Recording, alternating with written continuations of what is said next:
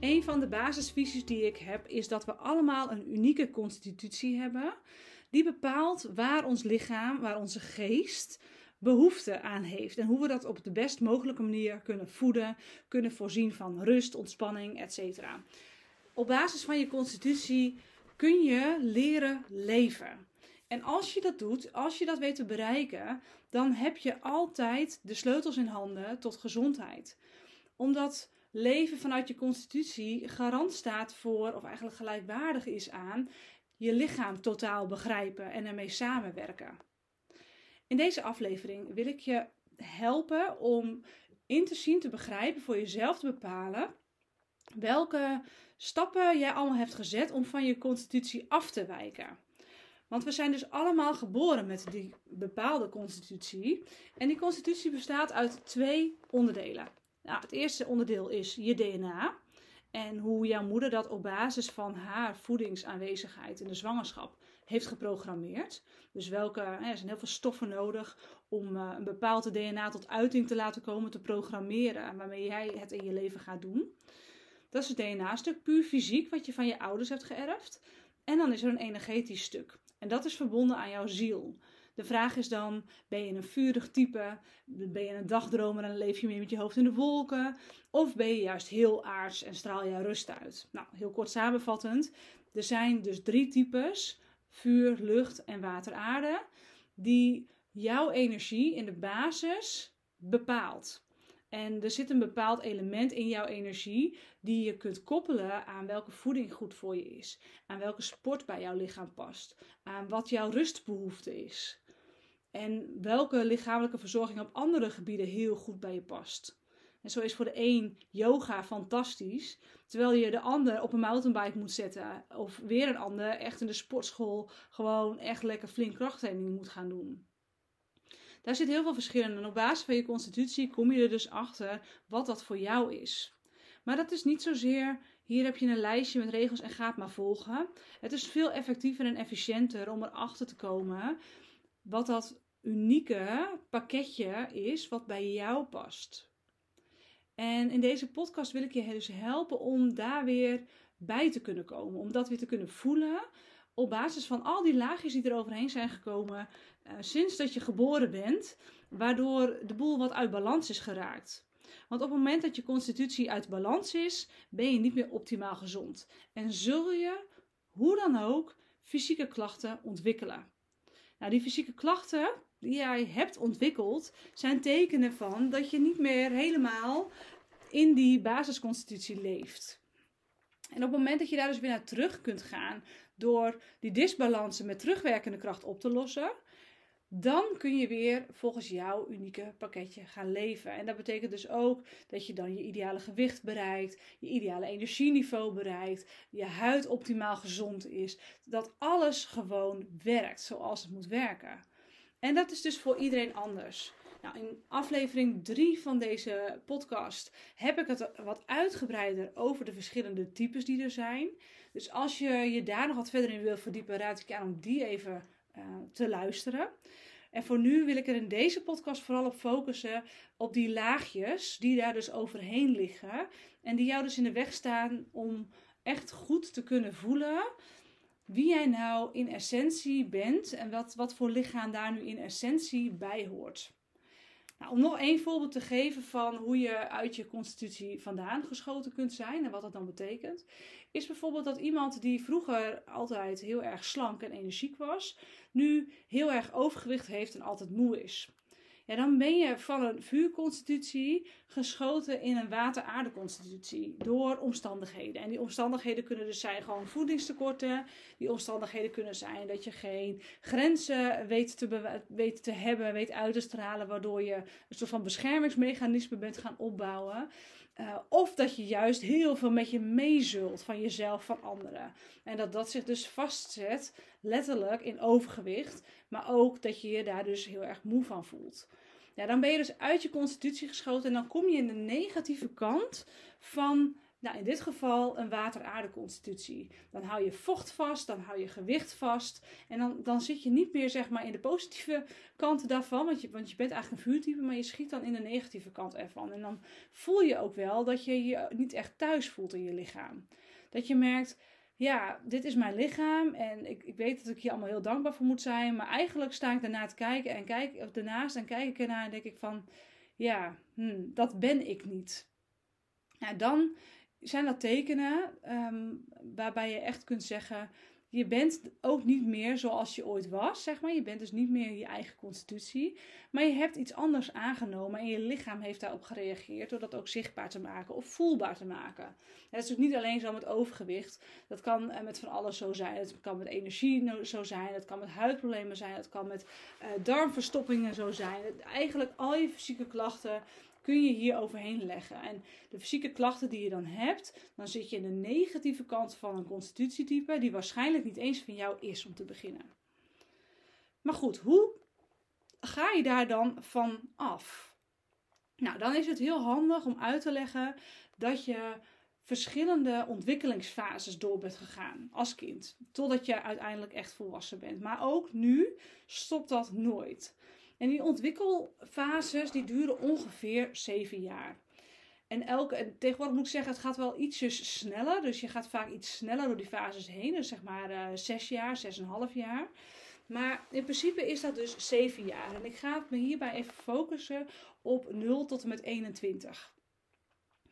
Die eerste 7 jaar, dus die eerste fase, dan daar weet je ook niet meer zoveel vanaf. Dan zit je heel erg in de fantasiewereld. Dan ben je nog verbonden ook met de, de, universele energie waar je eigenlijk uit vandaan komt. En ben je je nog aan het verbinden aan je lichaam. Dus je bent geboren, je bent hier, maar je, je, je bent ook nog een soort van niet helemaal één met je lichaam. Dat proces gebeurt in die eerste zeven jaren. Dit komt overigens ook voor een heel groot deel uit antroposofie. Daar weet ik heel veel vanaf, omdat mijn kinderen op de vrije school uh, hebben gezeten. En het is heel interessant om te zien dat ze op die scholen hier heel erg naar kijken. Waarbij ze ook zeggen, die eerste zeven jaar moet je niet aan dat hoofd sleutelen, maar moet je ze helpen om in dat lichaam te komen. Door veel met natuurlijke materialen te spelen, te werken. Door veel bezig te zijn met uh, gewoon spelen. In de fantasiewereld zijn. Uh, dat ook toestaan en dat ook koppelen aan je leven op aarde in het hier en nu. Door veel buiten te zijn, door je lichaam te voelen, te ervaren. En op het moment dat je tanden gaat wisselen, zeggen ze, ja, dan zijn de krachten weer opgaat naar boven. Dan ben je eraan toe om meer focus op je hoofd te krijgen. Dan verdwijnt babybuik. En dan kom je in de tweede zevenjaarsfase. En dan ben je wat meer klaar voor de cognitieve kant. En dat klopt ook. Als je kijkt naar het stukje uh, dimensies, daar heb ik ook een, uh, een podcast over gemaakt, hoe dat precies in elkaar steekt. Zijn die eerste zeven jaar eerste dimensie, dus je bent echt op het fysieke vlak je lichaam aan het bewonen. En de tweede zeven jaar is het de mentale dimensie. Je bent je hoofd aan het ontwikkelen, je bent kennis aan het opdoen. En je bent aan het begrijpen ook zelfs hoe je jouw, jouw, jouw hoofd wil, jouw ego wil, kunt gebruiken om voor elkaar te krijgen wat jij graag zou willen.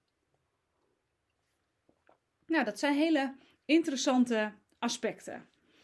Dus binnen die eerste zeven jaar zijn ook nog wel wat andere fases. Je hebt natuurlijk je geboorte.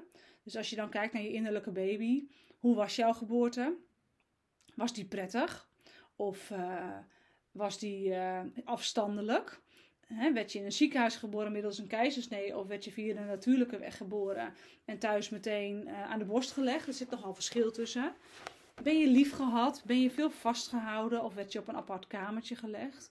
Dat, dat eerste half jaar, zeg maar, waarin echt die geboorte ja, vorm heeft gekregen, waarbij jij je eerste maanden hier op de wereld zet, bent, aanwezig bent, die, die is best heel betekenisvol in jouw vertrouwen naar de mensen om jou heen, in hoe veilig jij je voelt.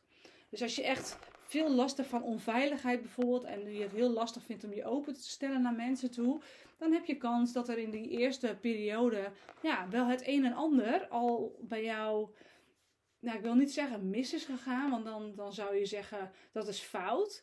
Maar er is het een en ander bij jou gebeurd waar je nu van kunt leren en waar je nu nog heling hebt te doen. Om die innerlijke baby uh, wel veiligheid te gunnen en te geven.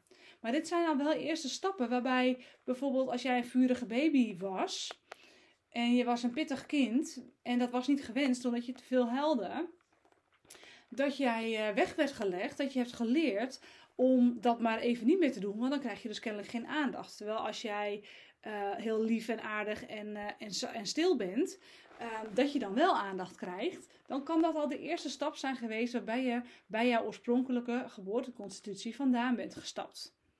Nou, dit geldt zeker bij als je de peuterleeftijd bereikt. Ben je toen liefdevol begrensd of ben je hard begrensd? Ben je geaccepteerd en gezien zoals je was? Of ben je toen al een soort van ondermijnd toen jij je eerste karaktereigenschappen liet zien. Dit zijn momenten die je ja, terug kunt halen. Je kunt kijken bij jezelf. Ben ik als peuter echt gezien? Of voel ik me verschrikkelijk eenzaam en ongezien? En uh, heb ik uh, liefdevolle grenzen gehad? Of heb ik juist helemaal geen grenzen gehad? Ja, op het moment dat je helemaal geen grenzen hebt gehad, kan het dus ook zijn dat van daaruit een soort van onbegrensdheid is ontstaan. Waardoor uh, je wellicht nu heel erg veel huidproblemen hebt ontwikkeld. En je echt uit je constitutie bent gegaan. Omdat je hebt geleerd, je moet jezelf beschermen. Dus je moet hard zijn en hard worden. En je moet vechten voor je grenzen. En dan is er een conflict ontstaan op dat huidstuk van jou. Op de buitenkant van je lichaam. Dat kan in peuterleeftijd heel goed gebeuren. Nou, kleuterleeftijd. Ben je toen vrijgelaten? Uh, begrensd vrijgelaten? Of ben je juist um, heel erg getemperd? dus mocht je vallen en weer opstaan, mocht je dromen en de wereld ontdekken, mocht je gewoon lekker stampen in de plassen en vies worden, of uh, is dat op een bepaalde manier afgekeurd en heb je je daarop aangepast? Toen je een basisschoolkind was, en dan kom je dus naar die tweede zeven jaar, ben jij toen gezien als gelijkwaardige? Op het moment dat jouw ego zich ontwikkelde en een eigen wil kreeg, ben je toen daarop erkend? In elk geval vanuit, ik zie dat je dit wil, maar ik als volwassene vind nu dat we dat niet gaan doen. Dus ben je wel gezien en ben je gezien als iemand met een wil? Of was het van, hup, hou je mond en je moet doen wat ik wil, omdat ik het zeg? Dat is een hele andere manier van. En die manier is veel toegepast vroeger. Waardoor je op een gegeven moment of hebt geleerd om meer vuur te laten zien. Terwijl je misschien helemaal geen vuurtype was om aandacht te krijgen. Of dat je hebt geleerd stilletjes in een hoek te kruipen. En je vooral maar niet meer te laten zien. Waardoor je wat meer in de water-aarde constitutie bent gekropen. Terwijl je misschien van oorsprong meer een luchttype was. En dat zijn verdedigingsmechanismen waarbij je dus uit je constitutie hebt uh, kunnen stappen. En daarna komt die puberteit. Dat is eigenlijk de derde zeven jaar, want die uh, basisschooltijd waarin jouw mentale ik gevormd wordt. Daarna komt de puberteit en dan wordt je emotionele ik gevormd. Wie ben ik als mens? En uh, hoe ver kan ik gaan om die persoon, hoe gaat die reageren, zeg maar, als ik die heel erg ga triggeren? Dat denk je niet, maar dat doe je onbewust wel als puber. Je, je zoekt de triggers op van de volwassenen om die persoon uit te testen. Hoe ver kan ik gaan? En uh, waar word ik begrensd? En hoe word ik dan begrensd? Word je dan liefdevol begrensd? Of uh, word je helemaal niet begrensd? er zitten op dat grensenstuk, dat hoor je al, dat komt meerdere keren terug. Daar zitten heel veel kanten aan. Ik denk dat het opgroeien heel erg gaat over grenzen, maar heel erg gaat over de manier waarop worden grenzen gesteld. Worden ze liefdevol gesteld? Worden ze zacht gesteld? Worden ze hard gesteld? Worden ze gelijkwaardig gesteld? Daar zit, daar zit heel veel in. Dat hoor je al een beetje terug. En heb jij geleerd je eigen grenzen te stellen? Is ook zo'n zo'n dingetje. Misschien zou deze podcast beter kunnen horen, uh, beter kunnen gaan over grenzen stellen, bedenk ik me nu. Maar nee, het is wel echt waar dat, dat dit grensenstuk vrijwel altijd terugkomt als ik het heb over niet meer bij je constitutie zijn. Niet weten waar jouw grens ligt, wat jij eigenlijk wilt, wat jij belangrijk vindt. Of dat je dat wel hebt geweten, maar dat je dat niet mocht uiten, niet mocht zeggen, niet mocht uitvoeren. Ja, dat heeft hier allemaal mee te maken, waardoor je uiteindelijk uit die uh, constitutie bent gekropen. Nou, wat bij de puberteit nog een ander thema is, is veiligheid. Het is natuurlijk ook de periode waarin je je lichaam gaat ontdekken. Waarbij je je emoties gaat ontdekken in emotionele verbondenheid met uh, vriendjes, vriendinnetjes. En um, sowieso op het uh, seksuele gebied een ontdekkingstocht gaat maken. Als het goed is, ook met jezelf, maar ook met een ander. Ja, heb je je daarin veilig gevoeld? Heb je daarin gevoeld dat je jezelf kon openstellen? Heb je daarin jezelf ook mogen zijn? Dus als je vurig type bent, mocht je vurig zijn hierin. Mocht je ontdekken, mocht je nieuwsgierig zijn. Of uh, mocht je nooit op pad en is dat vuur heel erg getemperd. Of mocht jij ook gewoon lekker niks doen en een beetje van de zijkant bekijken hoe de rest dat allemaal deed, zodat je daarvan kon leren. Dat is meer luchttype stijl. Of werd je gedwongen om daar een soort van in mee te doen en erbij te horen. Dat zijn best wel ingewikkelde processen die in die puberteit naar voren komen. En die nu en toen invloed hebben gehad of dat jij nog dicht bij jezelf kon blijven. Nou, wat ik zie is dat uh, bijna iedereen in die periode door de omgeving, door de omstandigheden en door verdedigingsmechanismes die toen gekozen zijn, eh, dat bijna iedereen wel bij die constitutie vandaan is gegaan. En als het goed is, ga je na die periode ontdekken wie je ook weer was en dan ga je daar weer naar terug. Maar vaak zat, lukt dat niet, omdat die patronen en die vastzittende emoties, de trauma's die er zijn ontstaan, dat die zo vastzitten dat je niet eens meer weet wie je nou eigenlijk was in de kern. Of dat je er niet helemaal achter durft te gaan staan. En dan ben je zoekende in wat wil ik eigenlijk als volgende stap met mijn bedrijf. En klopt dit nog wel bij wat ik wil uitstralen?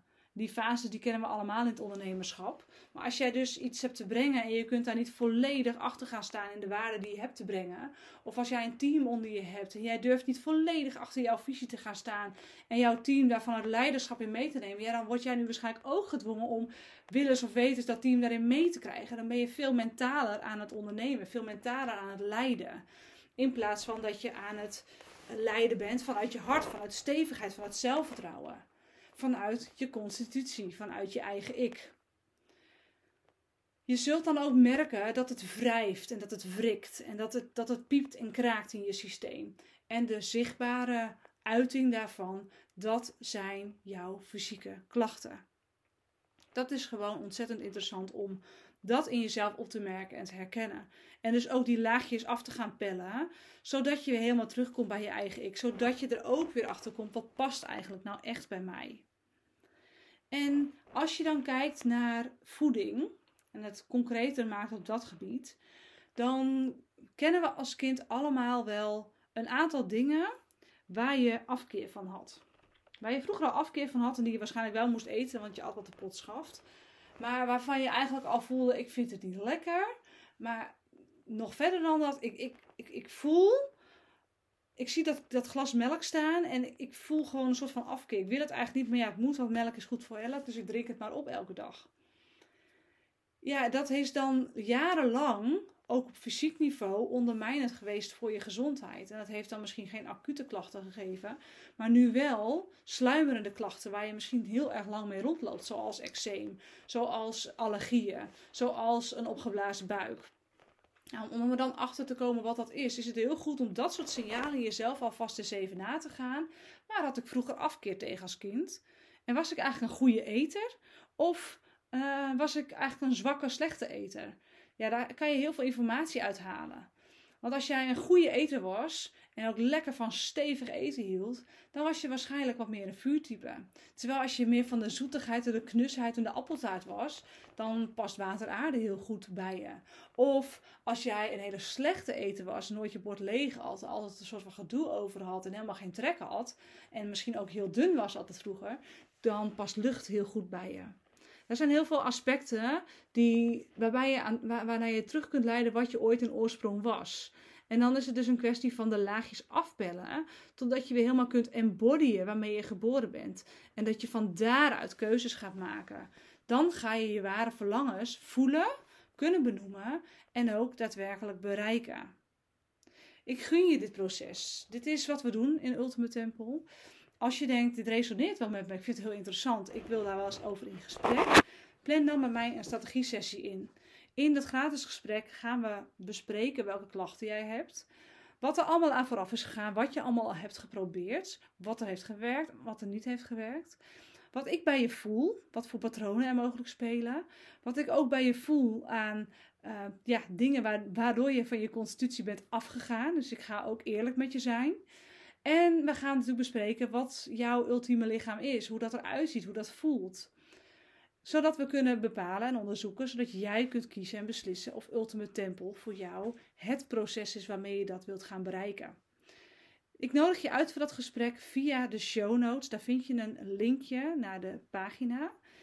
Ik uh, ben heel erg benieuwd naar jouw intekening. Op het moment dat jij een afspraak hebt gemaakt, heb ik een aantal vragen voor je, zodat ik wat meer inzicht krijg in wie je bent, waar je tegenaan loopt en ik me alvast een beetje kan afstemmen op je. Ik kijk er naar uit om je te spreken en uh, ik wens je voor nu een hele mooie dag. Als je dit een interessante podcast vond, als het je ogen heeft geopend op bepaalde niveaus, deel dat dan met jouw netwerk. Dat zou ik heel erg waarderen. Zo krijgt deze podcast meer ja, tractie, meer bereik. Kan ik meer mensen met uh, mijn visie helpen en daar word ik weer heel erg blij van. Ik wens je een hele mooie dag en tot de volgende keer.